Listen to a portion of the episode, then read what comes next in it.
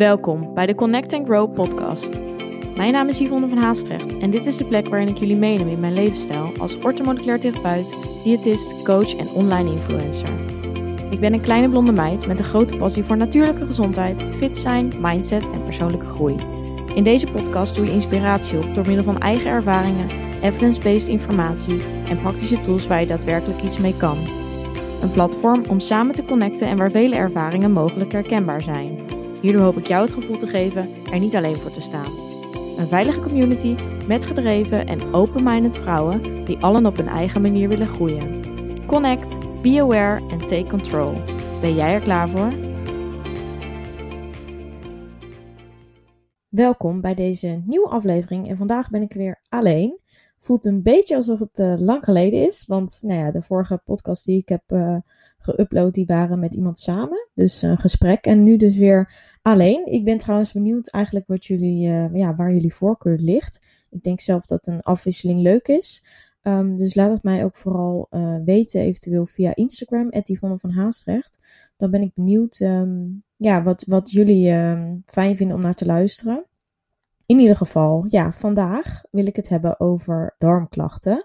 Een podcast die eigenlijk, uh, waar velen al een tijdje op zitten te wachten. En dit duurde wat langer, omdat eigenlijk darmklachten zijn heel specifiek, maar ook nog eens super complex. Dus het is heel moeilijk om hier ja, eigenlijk in een ja, max een uur veel info over te geven. Maar dat wil ik natuurlijk wel gaan proberen. En ik wil natuurlijk via deze weg juist um, hier meer duidelijkheid over creëren. Dus ik hoop dat dat ja, gaat lukken.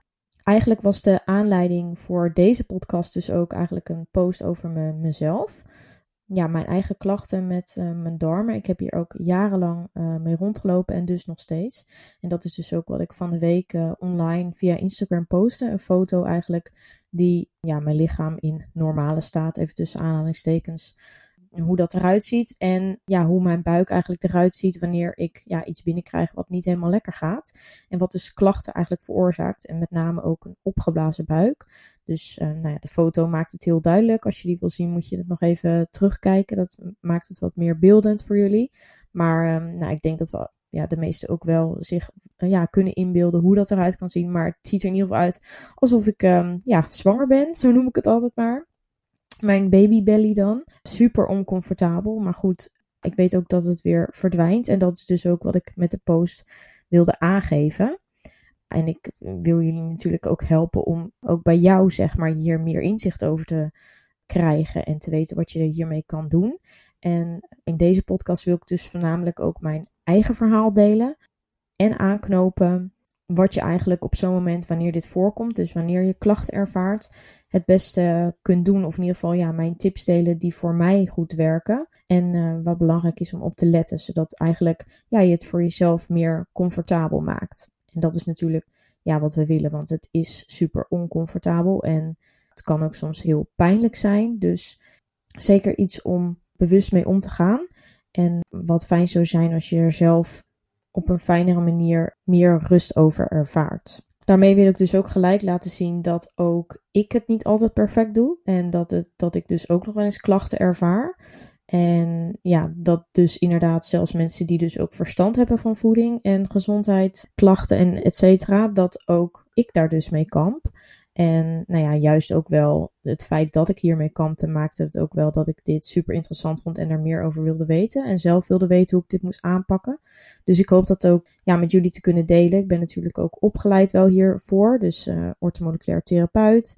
Nou, ik heb natuurlijk sowieso ook voeding en diëtetiek gestudeerd. Dus ja, dat zijn wel dingen waardoor ik er ook meer kennis van heb. Maar eigenlijk ook mijn eigen klachten hebben er nog meer voor gezorgd dat ik ja, hier meer over wilde weten. En eigenlijk ook dus deze kennis wil delen. En ik weet dus ook met name ook heel goed hoe het kan voelen en dat het echt niet fijn is. En dat wil ik jullie ook meegeven. Dat ik loop ook wel eens met een opgeblazen buik rond. En ja, dan voel ik me ook zeker niet uh, lekker in mijn vel. En ik denk dat soms uh, ja, vanaf de buitenkant via Instagram misschien het allemaal wel eens perfect lijkt. Maar ook ik struggle op zo'n moment. En dat brengt ook mentaal, zeker vanuit mijn verleden. Eigenlijk mijn, uh, ja, mijn hele verhaal die je in podcast 2 mogelijk hebt geluisterd. Doordat eigenlijk ja, die periode, of in ieder geval mijn eigen beeld over mijn lichaam ik daar heel veel moeite mee heb gehad, is het ook nu lastig, of vind ik het nu alsnog af en toe lastig om hiermee om te gaan. En daardoor komen er heel snel ook weer negatieve gedachten over mijn eigen lichaam naar boven, doordat ik me dan dus opgeblazen voel. En niet zozeer omdat ik dan te dik ben of zo, maar dat is wel, ja, zo kun je wel heel snel dan zo gaan voelen. En dat wil ik delen, dus daarom wil ik ook mijn eigen verhaal hierover delen. Ik denk dat, dit, dat er heel veel mensen zijn die met darmklachten rondlopen. Nou, dat weet ik ook eigenlijk ook wel. Ik kom ze ook superveel tegen dus in mijn praktijk. Ik behandel dus ook heel veel mensen met darmklachten. Dat komt ook heel vaak in de bloedtesten eigenlijk naar boven. Dat is ook een van de um, meest voorkomende hulpvragen bij mij. Mensen met darmklachten. En dan zijn er ook nog eens heel veel mensen die met deze darmklachten rondlopen, terwijl ze mogelijk niet denken dat ze hier last van hebben. Je moet denken aan een, een onregelmatige stoelgang, opgeblazen buik dus, uh, winderigheid, obstipatie, krampen, dat soort dingen. Uh, er zijn natuurlijk heel veel verschillende symptomen. En ja, soms heeft iemand al zo lang, of loopt iemand er zo lang al mee rond, en misschien zelfs al vanaf kleins af aan, dat je eigenlijk niet weet hoe het anders voelt en hoe het zou moeten zijn. Dus ik denk dat er zelfs ook nog eens heel veel mensen zijn die deze klachten onbewust hebben of onbewust ervaren en dus ook niet weten dat het beter zou kunnen. Omdat ze er letterlijk gewoon dus zo aan gewend zijn. En dat is natuurlijk eigenlijk ontzettend zonde, want darmklachten is een groot onderdeel van eigenlijk je algehele gezondheid. Als je darmen niet gezond zijn, dan uh, zijn er ook heel vaak andere klachten aanwezig veel, veelal ook vermoeidheid. Producten kunnen minder goed opgenomen worden, waardoor je eigenlijk, ja, mogelijk dat je heel gezond eet, maar daar dan eigenlijk daardoor niet alles eruit kan halen. En dat is natuurlijk, uh, ja, zonde. Dus daarom ook wel een onderwerp dat ik graag wil aankaarten, zodat je mogelijk ja, daar bij jezelf over na kan denken van, hé, hey, hoe is mijn situatie? Zou ik dit kunnen optimaliseren? Ik kreeg dus ook ontzettend veel reacties op deze post. Voornamelijk ook veel DM's met meiden die vragen hadden. En dat hoop ik dan hier iets meer op in te kunnen gaan. Een aantal jaar geleden had ik dit, uh, die opgeblazen buik had ik eigenlijk super vaak. En ik had eigenlijk geen idee wat, wat hiervan de oorzaak was. Ik had een slechte stoelgang. En ik heb dat voor mijn gevoel altijd al dus ook wel een beetje gehad. Maar juist nadat ik eigenlijk mijn voedingspatroon veranderde naar meer gezonde keuze, kreeg ik eigenlijk naarmate de tijd steeds meer klachten. Dus hoe gezonder ik ging eten voor mijn gevoel, hoe erger de darmklachten werden. Al had ik dus altijd al wel, ja, ook als kind zijnde kan ik me herinneren dat ik moeilijk naar de wc kon. Ja, daar heb ik nooit heel bewust bij nagedacht. Maar goed, naarmate ik gezonder ging eten, kreeg ik steeds meer klachten. En door het sporten, door het vele sporten, had ik dus ook veel eiwitten. Denk aan kwark, uh, whey eiwitshakes en ook wel eens um, eiwitrepen, waar die hoog in eiwit waren nou ja, whey eiwit shakes zijn ook alweer anders dan vegan shakes. En die kunnen inderdaad bij veel mensen uh, best wel wat klachten veroorzaken. Maar goed, ik was hier niet bewust van en dacht hier eigenlijk ook verder niet bij na. En eigenlijk heb ik mijn klachten toen gewoon heel lang genegeerd. Heel gek, maar ik dacht gewoon, het gaat wel over. En toen dat eigenlijk niet ging, dacht ik, oké, ik heb dit gewoon. En um, ik moet ermee dealen. Maar af en toe had ik zulke buik, eigenlijk krampaanvallen, dat ik gewoon eigenlijk op mijn bed moest liggen om de pijn te kunnen verdragen. Totaal niet leuk natuurlijk. En het is ook wel een beetje, er komt ook wel een beetje schaamte of zo bij kijken. Het is toch een beetje, het heeft te maken met naar de wc gaan en dat soort dingen. En um, ja, mensen vinden dat toch, um, het is toch een beetje gek onderwerp als het ware. Al uh, vind ik dat nu totaal niet meer, want ik heb er eigenlijk dus dagelijks wel mee te maken. En ja, niks is bij mij eigenlijk gek, maar toen had ik dat wel. Ik voelde me daar ook uh, niet uh, fijn bij of zo. En ook had ik vaak met uit eten en soms ook voor het uitgaan, had ik dus ook last van die buik. En werd mijn buik dus ook heel erg opgeblazen, wat me dus ja, mega onzeker maakte. Want ik voelde me daardoor ook niet fijn in mijn kleren, voornamelijk dus niet in wat strakkere dingen. En ik werd, ik werd er onzeker van en kreeg eigenlijk een enorm negatief beeld over mijn lichaam. Waar eigenlijk dus ja, op dat moment ook gewoon niks mis mee was. En ehm, ik had namelijk voor mijn gevoel ja, eigenlijk net zo hard gewerkt om dat lichaam te bereiken. En na een periode eigenlijk van wat meer kilo's en juist ondergewicht, ja, was, was ik blij met waar ik was.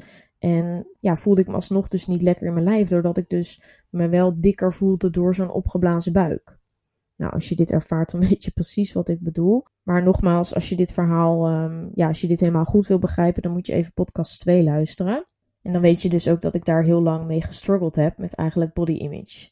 En dat doe ik dus nog wel steeds. Dat is ook iets ja, waar ik denk altijd wel een beetje, wat een beetje in mij zal blijven zitten. Maar doordat eigenlijk mijn buik dus vaak opgeblazen was, voelde ik mij ja, te dik. Je voelt je daardoor letterlijk zwaar. Ik stond daarmee letterlijk wel vijf keer per dag eigenlijk in de spiegel te kijken of die buik al verdwenen was. Dus dat was ook een soort van routine dingetje voor mij. Van, hè, is, die nou, uh, is die nou plat of niet? Weet je wel? Zo'n, ja, gewoon de hele tijd maar controleren van hoe je eruit ziet. Dat is natuurlijk ja, een slechte ja, relatie eigenlijk met jezelf. En iets wat, je, wat ik totaal niet aanraad om te doen. Maar hierdoor kreeg ik eigenlijk ook weer meer een negatief zelfbeeld. En vond ik dat ik eigenlijk nog harder mijn best moet doen qua voeding en training. Wat natuurlijk eigenlijk totaal waar het probleem helemaal niet lag.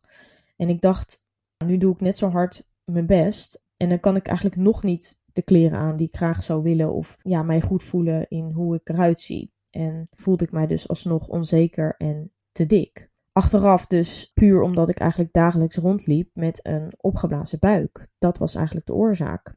Dus ik was op dat moment ook helemaal niet te dik. Dat wil ik ook even goed aankaarten. En aan het begin wilde ik dit ook niet aan voeding wijten. Want wat ik at was toch hartstikke gezond. En iedereen om mij heen at dingen.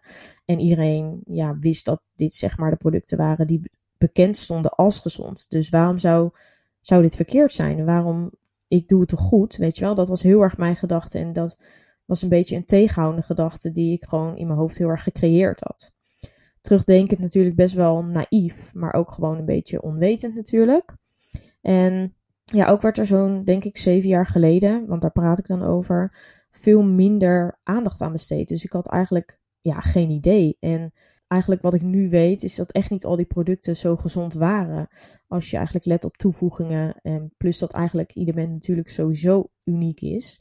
Wat werkt voor de een, hoeft sowieso niet te werken voor de ander. Nou, dat is natuurlijk iets wat ik sowieso al heel veel eh, bij jullie probeer aan te kaarten. Maar ja, hoe irritant of vervelend ook je moet altijd kijken van, hey, is dit voor mij? Zijn dit voor mij producten die voor mij goed werken en waar mijn lichaam goed op reageert? En als dat niet het geval is, dan moet je eigenlijk natuurlijk niet vasthouden aan het feit dat andere mensen eten het ook. Dus dan moet het bij mij ook goed zijn. Nee, dat is eigenlijk zo, zo zwart-wit moet je eigenlijk dus niet denken. Ik ben er dus ook nooit, ik ben er nooit echt heel specifiek mee naar de huisarts geweest. En niet dat ik denk dat dat ook iets had uitgemaakt, want die hadden mij hoogstwaarschijnlijk de diagnose PDS gegeven prikkelbare darmsyndroom. De meesten zullen dit wel kennen. Um, en dat is eigenlijk een diagnose die heel veel mensen krijgen. Nou, begrijp mij niet verkeerd, er is niks mis met deze naam. En het is natuurlijk wel degelijk een naam voor een aantal symptomen die je kunt hebben. Maar het zegt eigenlijk vrij weinig over ja, de behandeling en wat je ermee kan doen. En vaak is ook nog eens, ja, wordt er eigenlijk vrij weinig advies bij gegeven. En moet je zelf uitzoeken wat dus werkt voor jouw lichaam. Wat dus super lastig is deels klopt het dus natuurlijk ook. Je moet dus ook, wat ik net ook zei, zelf aanvoelen wat voor jou werkt. En waar je op reageert. Maar uit ervaring in de praktijk van mijn, eigenlijk mijn cliënten durf ik te zeggen dat ja, reguliere begeleiding wat betreft dit onderwerp tekort schiet. Er wordt vaak niet eens gevraagd naar het voedingspatroon, terwijl je daarmee al een ja, hele kleine conclusie kunt trekken. En vaak ook ja, superveel mee kan en dingen kan veranderen. Maar hetzelfde geldt natuurlijk ook voor leefstijl en hoe jij mentaal voelt. Want ook hier ligt een enorme oorzaak waar we zo nog eventjes op terugkomen. Dus denk ook aan stress. Ook dit is een enorme oorzaak voor het hebben van darmklachten. Ondertussen studeerde ik natuurlijk voeding en diëtetiek en kwam ik er steeds vaker achter klachten te ervaren en met name krampen na het eten van kwark, wat ik dus dagelijks at. Dus ik besloot eigenlijk dit eruit te laten en te kijken wat dit deed. Nou, dit uh, hielp eigenlijk heel goed. Voornamelijk die echt pijnlijke krampen had ik veel minder. Ja, af en toe sporadisch kwam het wel eens voor, maar ja, die opgeblazen buik, dat gevoel, dat bleef ook aanhouden. Dus ik had wel minder pijn, maar ik was niet, zeg maar, tevreden over, oké, ik laat mijn kwark weg en nu zijn mijn klachten ook weg. Nee, dat was het zeker niet. Um, met name ook tijdens mijn menstruatie, wat op zich heel logisch was voor mijn gevoel op dat moment. Maar ook dat verergerde rond die periode had ik gewoon veel meer darmklachten. En om het even kort, wat korter te houden, ik probeerde eigenlijk denk ik in vijf jaar tijd van alles uit. Ik ging erover lezen, ik sprak hier mensen over in de omgeving die het ook hadden. Ging aan de slag met hun tips, ging aan de slag met tips via internet. Uh, leerde natuurlijk dingen op school, met name ook uiteindelijk dus op mijn orthomoleculaire opleiding. Ja, sommige tips die ik in het begin aannam, die zou ik nu nooit, daar zou ik nu nooit meer wat mee doen. Dus ja, ik leerde gewoon steeds meer. En dit kon ik dan wel op een juiste manier natuurlijk toepassen. En op een gegeven moment, naarmate de jaren, merkte ik dat ik me minder bezig ging houden met mijn fysiek. En dan in de zin van uiterlijk. Dus hoe ik eruit zag vanaf de buitenkant. Ik werd gewoon veel meer content met mijn eigen lichaam. Maar ik ervaarde dus nog steeds die darmklachten. En dat vond ik wel super vervelend. En daar wilde ik dus ook per se eigenlijk vanaf. Want nog steeds, ondanks, ondanks dat ik dus die zuivel inmiddels helemaal skipte, ervaarde ik uh, af en toe klachten. En kwam voor mijn gevoel ook steeds meer bij. Dus hoe meer ik mezelf er eigenlijk mee bezig hield, hoe erger de klachten werden. Dus ik had super erg mijn focus op dus die darmklachten. Waarmee eigenlijk alles wat ik probeerde en al die tips die ik in al die jaren ja, eigenlijk uh, volgde, uh, geen enkele zin hadden. En ik reageerde bijvoorbeeld ook heel heftig op, uh, op een gegeven moment op product, specifieke producten zoals tomaat of bijvoorbeeld fruit in de avond bij mij geeft specifiek veel klachten. Producten als brood en pasta kwamen daar ook bij, ook als ik daar heel weinig van at. En uh, ja, ik at die producten sporadisch, dus ik niet vast in mijn eetpatroon. En alsnog merkte ik gewoon dat ik gewoon dagelijks last had. Dus het was gewoon letterlijk iets wat me echt dagelijks, uh, ja, wat me in de weg stond. En die pijnen vond ik eigenlijk nog wel een soort van draaglijk, maar mentaal kostte het me superveel energie en het maakte me dus heel negatief over mezelf, wat ik dus net al zei. En dat eigenlijk terwijl ik juist ontzettend zoekende was naar een goede balans en mezelf minder regels opleggen, minder restricties en wat liever zijn voor wat ik zag in de spiegel, et cetera. Dus nou eigenlijk een periode waarin ik ongeveer vier jaar, vanaf ongeveer mijn zeventiende denk ik, mezelf eigenlijk um, ja, die regels en restricties had opgelegd. En super streng voor mezelf uh, geweest te zijn. En eigenlijk dus ook een slechte relatie met voeding ontwikkeld had, was ik eigenlijk was ik blij na zo'n lange tijd eigenlijk met struggles eindelijk producten te kunnen eten zonder schuldgevoel. Dus eigenlijk alles wat ik van mezelf eerst niet mocht, omdat ik dus dat fysieke uiterlijke doel had van oké, daar word je, daar zou je dan dik van worden, wat dus niet het geval is. Maar dat had ik dus met me, voor mezelf wel in mijn hoofd. Eigenlijk had ik dat steeds meer onder controle, maar dan kwam het feit dat ik dus als ik die producten at, dat ik daar wel superveel klachten van kreeg. Dus dat er, wat er dan eigenlijk gebeurt, is dat je eigenlijk, je kan het zonder schuldgevoel eten, maar je wordt daarna een soort van wel gelijk afgestraft, omdat je dus die klachten ervaart, die fysieke klachten. En ja, op zo'n moment is het natuurlijk super moeilijk als je automatisch dit met weer iets negatiefs eigenlijk associeert, om daar geen negatief beeld van te krijgen.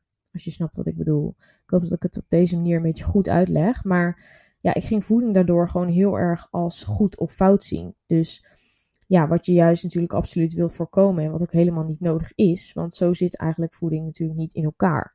Maar dat is wel wat de maatschappij ons deels laat zien. Maar ja, goed, als jij dus in de basis bewust leeft en op voeding let, dan is het eigenlijk, is het eigenlijk helemaal geen probleem. Als je natuurlijk af en toe die iets minder voedzame producten ook nuttigt. Maar in mijn geval uh, ja, gaf dat dus superveel klachten. Nou ja, anyway. Mijn persoonlijke zoektocht ging eigenlijk ja, gewoon toen steeds maar verder. Dus ondertussen had ik veel van mijn triggers eigenlijk ontdekt. Doordat ik, wat ik net zei, dus meer kennis kreeg en dingen ging uitproberen. Um, nou ja, zuivel was dus sowieso voor mij no-go. En de meeste gluten vermeed ik eigenlijk ook. Nou, doordat ik eigenlijk in 2017 een tijd niet goed in mijn vel zat. En door eigenlijk de ziekte van Lyme uh, wat onderzoeken kreeg, deed ik ook eigenlijk een E en B bloedtest. Dat kennen, kunnen jullie mogelijk herkennen van mijn pagina. Dat is ook een bloedtest die ik nu zelf afneem. Maar deze test gaf mij onder andere ja, zoveel inzicht.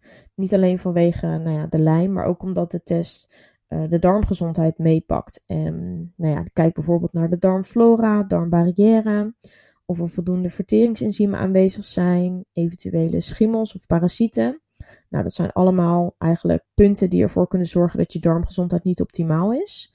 Dus nou ja, oorzaken die die klachten kunnen geven. En daarnaast kan, kunnen darmklachten, ik zei het net al eventjes, dus ook een hele andere oorzaak hebben. Dus niet zozeer een probleem in de darmen, maar op een ander gebied in je lichaam, waardoor eigenlijk de darmklachten als tweede symptoom eigenlijk ontstaan. Dus als tweede reactie uit je lichaam. Dus uitkomsten van de bloedtest, die kunnen ook inzicht geven in ja, dat het mogelijk uh, het probleem heel ergens anders ligt. En dan moet je natuurlijk die darmgezondheid wel aanpakken, maar dan moet je eerst kijken waar dus de startoorzaak zit, of ja, het begin van, van jouw probleem. Hè? Dus dat is, um, dat maakt, ja, dat kan de, de test ook wel heel veel inzicht bieden uh, op andere vlakken. Of een groter beeld als het ware. Wil je eigenlijk een uh, geheel overzicht van eigenlijk wat de test dus allemaal biedt voor jou, dan kun je even op mijn website kijken. Die zal ik ook even in de show notes uh, zetten. Dan kun je daar uh, op doorklikken en dan kun je exact alle waardes die gemeten worden zien. In ieder geval, die klachten werden dus deels ook gekoppeld aan mijn lijn, bij mij persoonlijk dan. Dus deze um, bacterie was ook in mijn darmen aanwezig, maar daar, daarnaast wist ik ook door de test dus exact wat ik moest doen en ondernemen om die darmen aan te pakken. Plus het hele fijne, ook de ja, intoleranties en allergieën worden getest. Dus ook bij mij kwamen, ja, die, kwamen er intoleranties uit. En in tegenstelling tot de huisarts die alleen test of je dus echt een allergie hebt, terwijl er ook terwijl een intolerantie dus ook duidt op een gevoeligheid, ja, maakt het verschil eigenlijk dat je bij de huisarts, want dat is wel handig om te weten, mogelijk geen allergie kan hebben, terwijl je superveel darmklachten hebt, waar ze dan dus verder niks mee doen, maar dus wel die intolerantie hebt, waardoor je eigenlijk dat product alsnog beter zou moeten of kunnen vermijden. Over een intolerantie kun je dus wel heen groeien. Het kan een gevoelig zijn, of gevoeligheid zijn die je aan kan pakken, die is ontstaan door een uh, minder goede darmgezondheid. En als je die darmgezondheid weer optimaal maakt, dan kan, er, kan het er dus voor zorgen dat die intolerantie verdwijnt en dat je die producten weer ja, beter kunt verdragen. Al is het mogelijk wel iets waar je altijd op zou moeten letten of bewust van zou moeten zijn. Maar goed, je kan daar, daarin dus in ieder geval heel veel dingen wel verbeteren. Maar het is ook niet bij iedereen zo simpel. Maar de meeste mensen die de test dus afnemen, kunnen specifiek aan de slag. En merken dus binnen eigenlijk een aantal weken zeker wel degelijk ja, verschil. Of zijn zelfs compleet klachtvrij. Nou, dat is natuurlijk uh, wat je heel graag wilt. Om even een beeld te geven: tarwe, gluten, soja, koemelk, lactose, ei, suiker, zelfs bepaalde zoetstoffen een aantal voorbeelden van eigenlijk alle intoleranties die getest worden. Dus dat geeft je gewoon een supergoed beeld over ja, welke productkeuzes voor jou beter zouden werken. Het is in ieder geval soms uh, ja, iets kleins wat voor een groot resultaat kan zorgen. Denk ook maar eens uh, bijvoorbeeld aan acne. Vaak ligt de oorzaak hiervan in de darmen. Eczeem is ook zo'n uh, symptoom, vermoeidheid. Het lichaam eigenlijk staat natuurlijk zo in verbinding met elkaar dat als er ergens een dysfunctie is, dat dit ook vaak op andere vlakken uh, tekort schiet. Dus dat zijn wat voorbeelden. Maar goed, terug naar mijn eigen verhaal. Dit zorgde dus eigenlijk voor heel veel inzichten en verbeterde eigenlijk ontzettend um, ja, mijn symptomen. Ook uh, soja is voor mij dus een grote, uh, ja, grote trigger. En gluten en tarwe laat ik grotendeels ook staan. Nou, nu denk je vast, wow, dat zijn veel dingen. Hoe doe je dat? Het is zeker heel goed te doen. En uh, je moet gewoon heel goed weten wat je wel mag eten. Dus ik probeer ook heel vaak mensen aan te leren van... Oké, kijk in wat wel mogelijk is. In plaats van in wat niet mogelijk is. En dat maakt het mentaal al een stuk makkelijker. En als je ook weet hoe je voeding op een juiste manier moet bereiden en het lekker kan maken, dan is dat, um, hoeft dat helemaal niet voor veel problemen te zorgen. Mogelijk dat ik hier ook een keer iets mee zal doen om jullie daarover wat meer inzicht te geven. Mogelijk is het ook leuk om misschien een eetdagboekje of zo met tips of zo te delen. Om dit misschien ook voor jou op een makkelijkere manier toe te kunnen passen. Dat is ook trouwens iets wat ik, ja, waarmee ik uh, velen ook begeleid in mijn coaching trajecten. Dus dan um, ja, leren ze vooral dus ook hoe je uh, bepaalde adviezen dus ook echt in de praktijk toepast en vol kunt houden. Laat dus mogelijk ook eventjes een sterretje achter als je via Apple Podcast luistert of mogelijk een reactie. Dat zou ik heel leuk vinden. Dan weet ik ook of jullie daar interesse in hebben om daar ook wat dieper op in te gaan in de volgende podcast. Anyway, met mijn persoonlijke klachten ging het dus stukken beter, wat dus ook het beeld over mezelf dus veel meer veranderde in een positieve zin. Wel is het af en toe bij mij ook niet perfect qua voeding en dat is iets waar ik afgelopen jaar achter ben gekomen. Zeker ook dus dat voeding dus niet de enigste oorzaak is die deze klachten bij mij geven. Stress heeft bij mij een hele grote, speelt bij mij een hele grote rol. Zeker met het ontstaan van eigenlijk een opgeblazen buik. En mede doordat eigenlijk mijn vertering dan niet optimaal is en ik producten niet goed kan opnemen. Zoals je mogelijk ook in podcast 4 uh, hebt gehoord. Ja, daar bespreek ik iets over mijn uh, uh, gezondheid en verandering van mindset daarin. Maar goed, ja, door eigenlijk het vele sporten, mezelf veel druk opleggen, een eigen onderneming, waarvoor ik veel, ja, waardoor ik veel verantwoordelijkheden heb, um, werd het me eigenlijk af en toe een, beetje te veel. Uh, vooral wat betreft het zes keer per week sporten. Krachttraining, ja, mijn hoofd stond er gewoon letterlijk niet meer naar. Dit was eigenlijk een stressfactor geworden, waardoor letterlijk mijn lijf in ontstekingsmode ging. Dus uh, ja, ze noemen dat vaak ook inflammation state. Dit ontstaat eigenlijk door stress, dus ontstekingswaarde verhoogt. Wat dus ook heel erg voor zorgt dat je dus een opgeblazen buik kunt ontwikkelen. En hier wilde ik gewoon heel graag iets mee doen. Sowieso omdat het dus mentaal mij in de weg stond. Maar ik dus ook merkte dat dat fysiek uh, bepaalde klachten ging geven. En het afgelopen jaar, zeker omdat ik er nu dus ook zoveel kennis over heb, wist ik gewoon van oké, er moet iets anders. Besloot daarom dus ook om veel minder te gaan trainen. Voornamelijk dus die krachttraining te verminderen.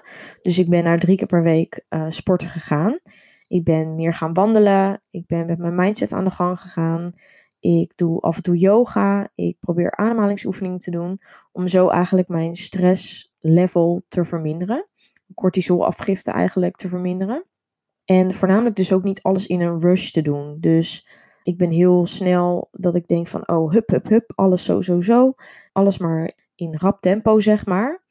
Ik ben ook een ongeduldig persoon, dus dat komt daardoor ook een beetje. Maar ik ben nu heel bewust bezig dat ik, oké, even rustig eten. Rustig eten maken, rustig opeten. Niet alles in die versnelling.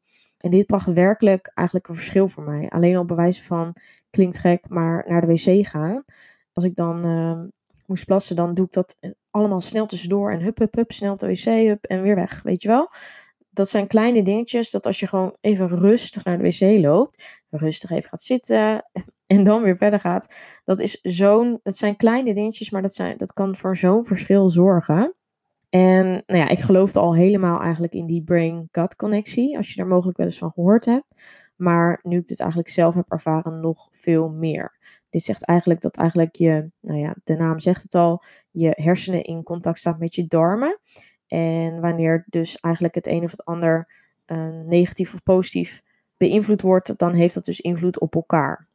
Dus als het mentaal niet helemaal lekker zit, of als er dus veel stress aanwezig is, wat bij mij dus het geval was, dan hebben je darmen daar ook negatieve effecten van. Stress is dus die grote veroorzaker en voeding is slechts dan een van de puzzelstukken. En zolang je eigenlijk niet aan de slag gaat met dus die stress, dan zullen die klachten natuurlijk ook aanblijven. Dus ook voor jou, mocht je dit ervaren, wees echt eerlijk naar jezelf toe. Van, hey, hoe gaat het met mij? Hoe voel ik mij? Wat geeft stress in het leven? Waar heb jij behoefte aan? Wat vraagt mijn lichaam qua voeding? Wat kan ik veranderen? Hoe is mijn voeding nu? Ehm, hoe is mijn leefstijl? Uh, beweeg ik? Beweeg ik te veel? Is het te, te intensief voor mij? Hoe is mijn slaap? Etcetera. Het zijn allemaal kleine dingen waar mensen eigenlijk door routine of gewoontes nooit bij stilstaan. Maar ook om dus te bedenken van oké, hey, is dit hoe ik me voel? Is dat, kan het nog beter? Hè? Mensen zijn, je bent als mens ja, geneigd om nooit preventief naar je gezondheid te kijken, maar alleen wanneer er klachten ontstaan. het is natuurlijk ook fijn om eigenlijk dat al voor te zijn. Dat zou natuurlijk veel beter zijn. Dat zijn vragen. Vraag het jezelf eens af. Hè? Ga eens op een zondag of zo zitten en vraag aan jezelf van, hey, oké, hoe voel ik me nu echt? En als ik bijvoorbeeld die producten eet, uh, wat ervaar ik dan? Ben ik verzadigd? Um, heb ik een opgeblazen buik? Moet ik gelijk naar het toilet? Etcetera. Dat zijn allemaal kleine dingetjes ja, die jou gewoon bewuster kunnen maken. Waardoor je steeds beter inzicht krijgt in je eigen lichaam. Nou, in een andere podcast wil ik hier dus dieper op ingaan. Daarnaast zal ik nu wel wat tips delen over wanneer eigenlijk die klachten aanwezig zijn. Dus houd er rekening mee dat dit bij iedereen verschilt. En dat dit, dit dus ook dingen zijn die bij mij over het algemeen werken en bij jou dus mogelijk ook kunnen werken. En ook wel tips die ik natuurlijk vanuit mijn uh, opleiding, et cetera, heb meegenomen. Dus probeer in ieder geval ook stap voor stap dingen uit. Want het kan ook mogelijk anders veel te veel zijn. En je wil ook vooral jezelf dus niet te veel druk opleggen. En van jezelf eisen dat het allemaal gelijk perfect moet. Want dat gaat waarschijnlijk niet lukken. En dat gaat ook weer jou ja, mogelijk stress opleveren, wat we natuurlijk juist ontzettend willen voorkomen. Nou ja, net eventjes een inzicht in mijn eigen verloop wat betreft darmklachten. En nu wil ik dan overgaan op wat meer mijn tips die ik daarover wil meegeven wanneer dus die klachten bij jou zich voordoen. Mogelijk dat dit dus ook wat pijn kan verminderen, oncomfortabel gevoel, zodat je je ja, wat snel beter gaat voelen. Dit zijn dus grotendeels geen preventieve hulpmiddelen, al dragen sommige zeker bij aan preventief voorkomen van darmklachten, maar meer dus wat je kan doen wanneer de klachten al aanwezig zijn. Dus om klachten te verzachten. Oké, nou, dat duidelijk. Ik ga één voor één gewoon het rijtje langs. Nou, als eerste water drinken en dan het liefst lauw warm water. Met extra tip om daar Keltisch zeezout bij te doen en wat citroen. Nou, waarom deze combinatie? Keltisch zeezout is zout wat ook mineralen bevat, voornamelijk zink en magnesium. En dit helpt heel erg om afvalstoffen te verwijderen. En hierdoor kun je eigenlijk je mineralen beter opnemen in je cellen. En wat vaak gebeurt als je alleen water drinkt, is dat dus je het water niet opneemt in de cellen, maar alleen ja, je lichaam doorgaat als het ware. Daarnaast helpt het natuurlijk om afvalstoffen te verwijderen. Die citroen zorgt ook voor dat je zuurgraad zuurder wordt, letterlijk. Dus dat producten beter verteerd kunnen worden, doordat eigenlijk je voor een zo optimaal mogelijke vertering je ook een optimaal mogelijke pH-waarde wil hebben in het lijf. Keltisch zeezout kun je trouwens in vele supermarkten tegenwoordig krijgen. En anders moet je naar een winkel gaan als Holland en Barret. Ik weet dat ze tegenwoordig ook bij de Kruidvat zelfs hebben. Gezondheidswinkels hebben het sowieso. Uh, winkels als Markt en Ecoplaza, uh, die uh, hebben het ook sowieso. Dus ook voor over je voeding, et cetera. Niet alleen voor in je water. Gewoon een snufje doe je trouwens. Zeker goed om daar in de ochtend mee te starten of wanneer je er dus last van hebt of net voor het slapen. Maar ook gewoon, je kan het dus, dat Celtisch zeezout ook gewoon gebruiken voor over je voeding. Is namelijk ja, veel beter als gewoon tafelzout. Omdat dat dus alleen natrium bevat. En dat zorgt dus ook heel erg voor dat je bloeddruk verhoogt. Terwijl als je dat dus in combinatie hebt met die magnesium en zink, et cetera, dan zorg je dus voor dat je bloeddruk veel stabieler blijft. Dus dat is nog even een extra tip. Oké, dan nu over op de volgende. Een warm bad of een voetenbad met magnesiumvlokken. Nou, dan heb je hem weer. Waarom zijn eigenlijk die mineralen zo goed? Mineralen, met name magnesium, zorgt er dus voor dat je lichaam meer ontspant en meer in ontspanmodus komt.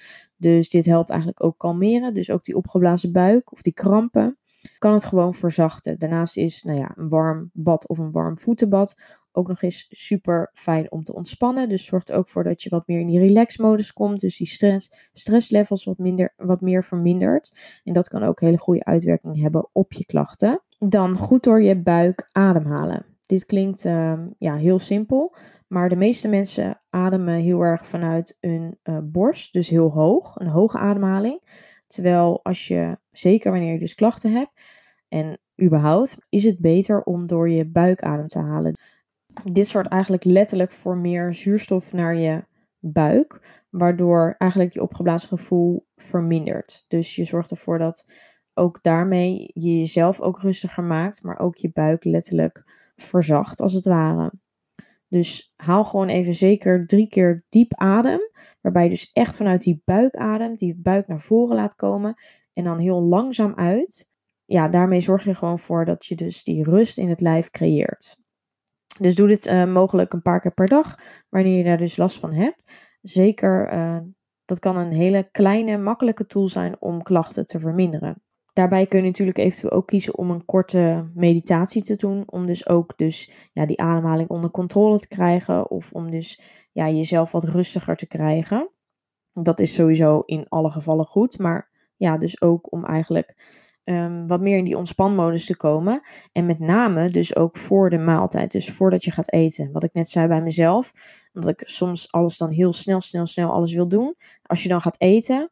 En nou, dan is je lichaam niet in rustmodus. En is totaal niet in staat om eigenlijk je voeding goed te verteren. Nou, wat gebeurt er als je voeding niet goed verteert? Dan kan dat klachten geven en dan kan je producten ook niet goed opnemen. Dus Voordat je eet moet je zorgen dat je in een rusttoestand bent.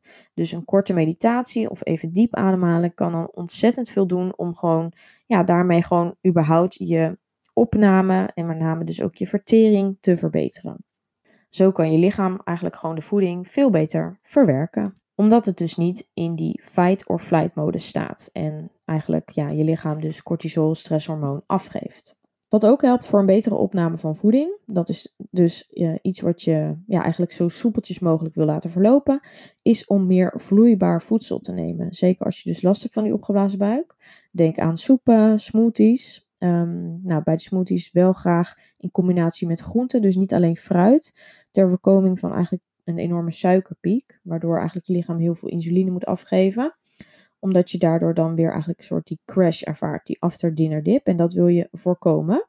Dat zorgt eigenlijk voor uh, vermoeidheid en dat wil je dus juist niet. Let er ook op dat pulvruchten vaak ook veel klachten kunnen geven. Dus dat is iets wat ik zou vermijden. En ga dus voornamelijk voor licht verteerbaar voedsel. Dus niet een heel groot stuk vlees. Het is zwaar namelijk om te verteren. En hetzelfde geldt voor heel veel vezels of zware koolhydraatproducten. Kies bijvoorbeeld liever voor nou ja, een smoothie in de ochtend, soep in de middag en ja, wat gekookte of gestoomde groenten die zacht zijn. Uh, met bijvoorbeeld een wit visje of iets in die richting. Let er wel op dat je energieinname redelijk hetzelfde blijft. Anders ga je hierdoor mogelijk wat slap voelen en daardoor minder energie ervaren, wat je natuurlijk niet wilt. Nou ja, als je bijvoorbeeld wat een goede tip hiervoor is, wat avocado of bijvoorbeeld notenpasta door die smoothie. Dat kan heel goed helpen om ja, je voeding dus wat uh, energierijker te maken. Net als bijvoorbeeld kokosmelk dan bij de soep. Daardoor bevat het gewoon meer calorieën, wat, je, ja, wat juist enorm, uh, enorm fijn is, uh, wat je lichaam ook nodig heeft. Ook nog eens extra belangrijk dat je dus ehm, ja, met bijvoorbeeld wat ik net zei, die avocado, die notenpasta of kokosmelk, dat zijn vetrijke producten, maar de juiste vetten. En die helpen ook nog eens extra om, ja, omdat je daarmee ook omega-3 binnenkrijgt. Dus denk ook aan vette vis, zalm bijvoorbeeld. Omdat dit heel erg ontstekingsremmend werkt, heeft dit ook weer een goede uitwerking op je darmklachten. Dus om eigenlijk je buik te kalmeren. Nou, nummer 1 is natuurlijk voor een goede vertering goed kouwen. En dit is dus ook mega belangrijk. Ook een goede hiervoor is eigenlijk de eerste stap voor vertering begint in je mond. En dat betekent dus echt lang kouwen en even bewust nadenken van hey, is alles wel uh, goed fijn gemalen als het ware uh, voordat ik het doorslik. En je zal merken dat als je rustiger gaat eten, rustiger en bewuster gaat eten, dat dit je buik ten goede zal doen. Trouwens, nog een hele handige voor ontstekingsremmende producten zijn bijvoorbeeld kurkuma kruiden. En dan in combinatie met zwarte peper, want dan wordt het goed opgenomen. Um, maar dat is ook een goede ontstekingsremmer, die je meermaals of in ieder geval vaak door je eten kunt gebruiken. Het geldt, hetzelfde geldt voor eigenlijk verse gemberthee om te drinken. Dus dat is eigenlijk ook iets wat ik altijd, uh, die twee dingen gebruik eigenlijk ook altijd op zo'n dag. Ja, zijn eigenlijk producten die ik sowieso veel in mijn voeding, uh, voedingspatroon terug laat komen. Maar ja, zeker uh, voor je buik ook extra goed. Wat ik dus ook doe op zo'n moment is eigenlijk extra visoliecapsules, dus omega-3 capsules en magnesium nou ja, wat ik net al zei, die magnesium om dus te, te kalmeren. En daarnaast ook verteringsenzymen. Mocht je hier uh, vragen over hebben, dan kun je die altijd stellen. Je kunt deze producten, deze supplementen ook vinden op mijn website eventueel. Je kan me altijd hier vragen over stellen. Maar die verteringsenzymen zorgen er dus voor dat je, nou ja, letterlijk dus meer enzymen hebt om je voeding af te breken. Wat eigenlijk ervoor zorgt dat je je lichaam meer helpt eigenlijk om dus die voeding te verwerken. Wat ook een belangrijk is om waar je snel fijner bij voelt, is dus om niet te strakke kleding aan te hebben. Dus zorg voor losse kleding waar je je lekker in voelt, waar je goed in kan bewegen. Want dat zorgt er ook al voor dat je zeker ook mentaal je een stuk minder opgesloten voelt in je eigen kleren. En dat klinkt misschien gek, maar dat heeft werkelijk uitwerking op hoe jij je voelt. En ook natuurlijk, het zit gewoon veel fijner als je buik uitstaat. Nou, dan als laatste is het natuurlijk nadenken over waar die klachten mogelijk voor ja, vandaan kunnen komen. Dus het is heel goed. Ik zeg ook wel eens tegen mensen: schrijf op wanneer je maaltijd hebt gegeten en je direct daarna klachten ervaart. Schrijf op wat je gegeten hebt. Zo kun je daar eigenlijk op den duur veel meer inzicht in krijgen. En als je dat weet, dan kun je natuurlijk nog meer aan de slag. Nou, dingen die ik zou uh, vermijden is alcohol, koffie, koolzuurhoudende producten.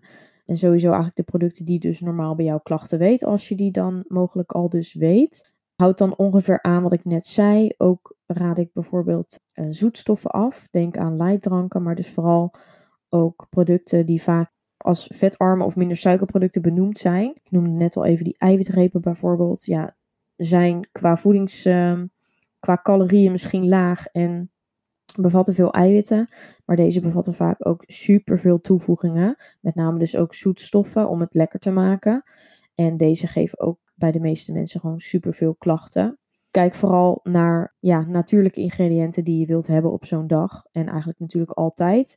Maar ja, zeker wanneer je dus klachten ervaart. Dus eigenlijk het liefst al het niet-natuurlijke vermijden. Dus denk ook aan pakjes, zakjes. Alles wat eigenlijk niet uh, in de natuur voorkomt, maar gemaakt is in een fabriek. Dat kun je beter op zo'n dag vermijden. Oh, en wat ook een uh, goede is trouwens, is geen kauwgom kauwen. Dit kan ook, dit zorgt eigenlijk voor heel veel lucht naar binnen. Hetzelfde als eigenlijk door een rietje drinken. Dat zorgt voor meer lucht in je lichaam, in je lijf. Wat dus eigenlijk het opgeblazen gevoel kan verergeren. Nou, hetzelfde geldt natuurlijk voor die koolzuurhoudende producten die ik net al zei. Als laatste wil ik eigenlijk meegeven, onthoud dat die klachten ook weer verdwijnen. In de meeste gevallen dan. En probeer er, hoe moeilijk dat ook is, niet te veel aandacht aan te geven. Want wat ik dus ook zei, hoe meer ik dus in het proces op mijn darmklachten ging focussen, hoe erger het werd. Omdat ik het echt als een pijnpunt zag of stressfactor waar ik vanaf wilde. En daardoor werd het eigenlijk alleen maar erger. Dus heb er, ja, laat het, probeer het los te laten, hoe moeilijk dat ook is. En straf jezelf daar sowieso niet voor af. Ga niet in de spiegel kijken om hoe je eruit ziet of um, ja, hoe ontevreden bent met wat je ziet. Want ja, dat is gewoon zo niet lief naar jezelf toe. En dat maakt eigenlijk je mindset alleen nog maar negatiever. En dat is gewoon sowieso wat je wilt voorkomen. In een volgende podcast wil ik dus wat meer ingaan eigenlijk op de veroorzakers en wat te doen met voeding om die eigenlijk dan dus te voorkomen. Dus meer de preventieve kant. En ik zelf heb dus ook af en toe nog eens last van mijn buik, omdat ik dus soms gewoon momenten kies waarop ik gewoon letterlijk wel die producten eet waarvan ik weet waar, dat ik daar niet tegen kan. Nou ja, ook hebben we natuurlijk allemaal wel eens momenten met een etentje of iets uh, buiten de deur waar je ook niet eigenlijk omheen kan. Nou, op zo'n moment probeer, kijk wat je kan doen en inderdaad laat het verder los. Daarnaast, ik gun het mezelf ook dus af en toe gewoon. Al blijft het moeilijk als je zeg maar daarnaast, daarna dus twee dagen rondloopt met klachten blijft een lastig iets. Maar dat is dus ook wat ik dus via Instagram probeerde te, delen, probeerde te delen. Van ja, ook ik doe het niet altijd perfect. En heb het dus ook niet altijd onder controle. En dat is ook wel oké. weet je wel, je kan heel lang focussen op van oh, wat ja, vervelend dat ik dit heb. Maar aan de andere kant, als je daar weet dat je er alles aan doet om het te verbeteren. En je bent jezelf er bewust van en je probeert een weg daarin te zoeken. Ja, je kan het niet gelijk perfect doen. En ook zelfs dan, al heb je het dagelijks in je dagelijkse leven onder controle.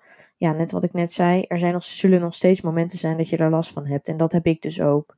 En uh, ja, vergeet dat niet.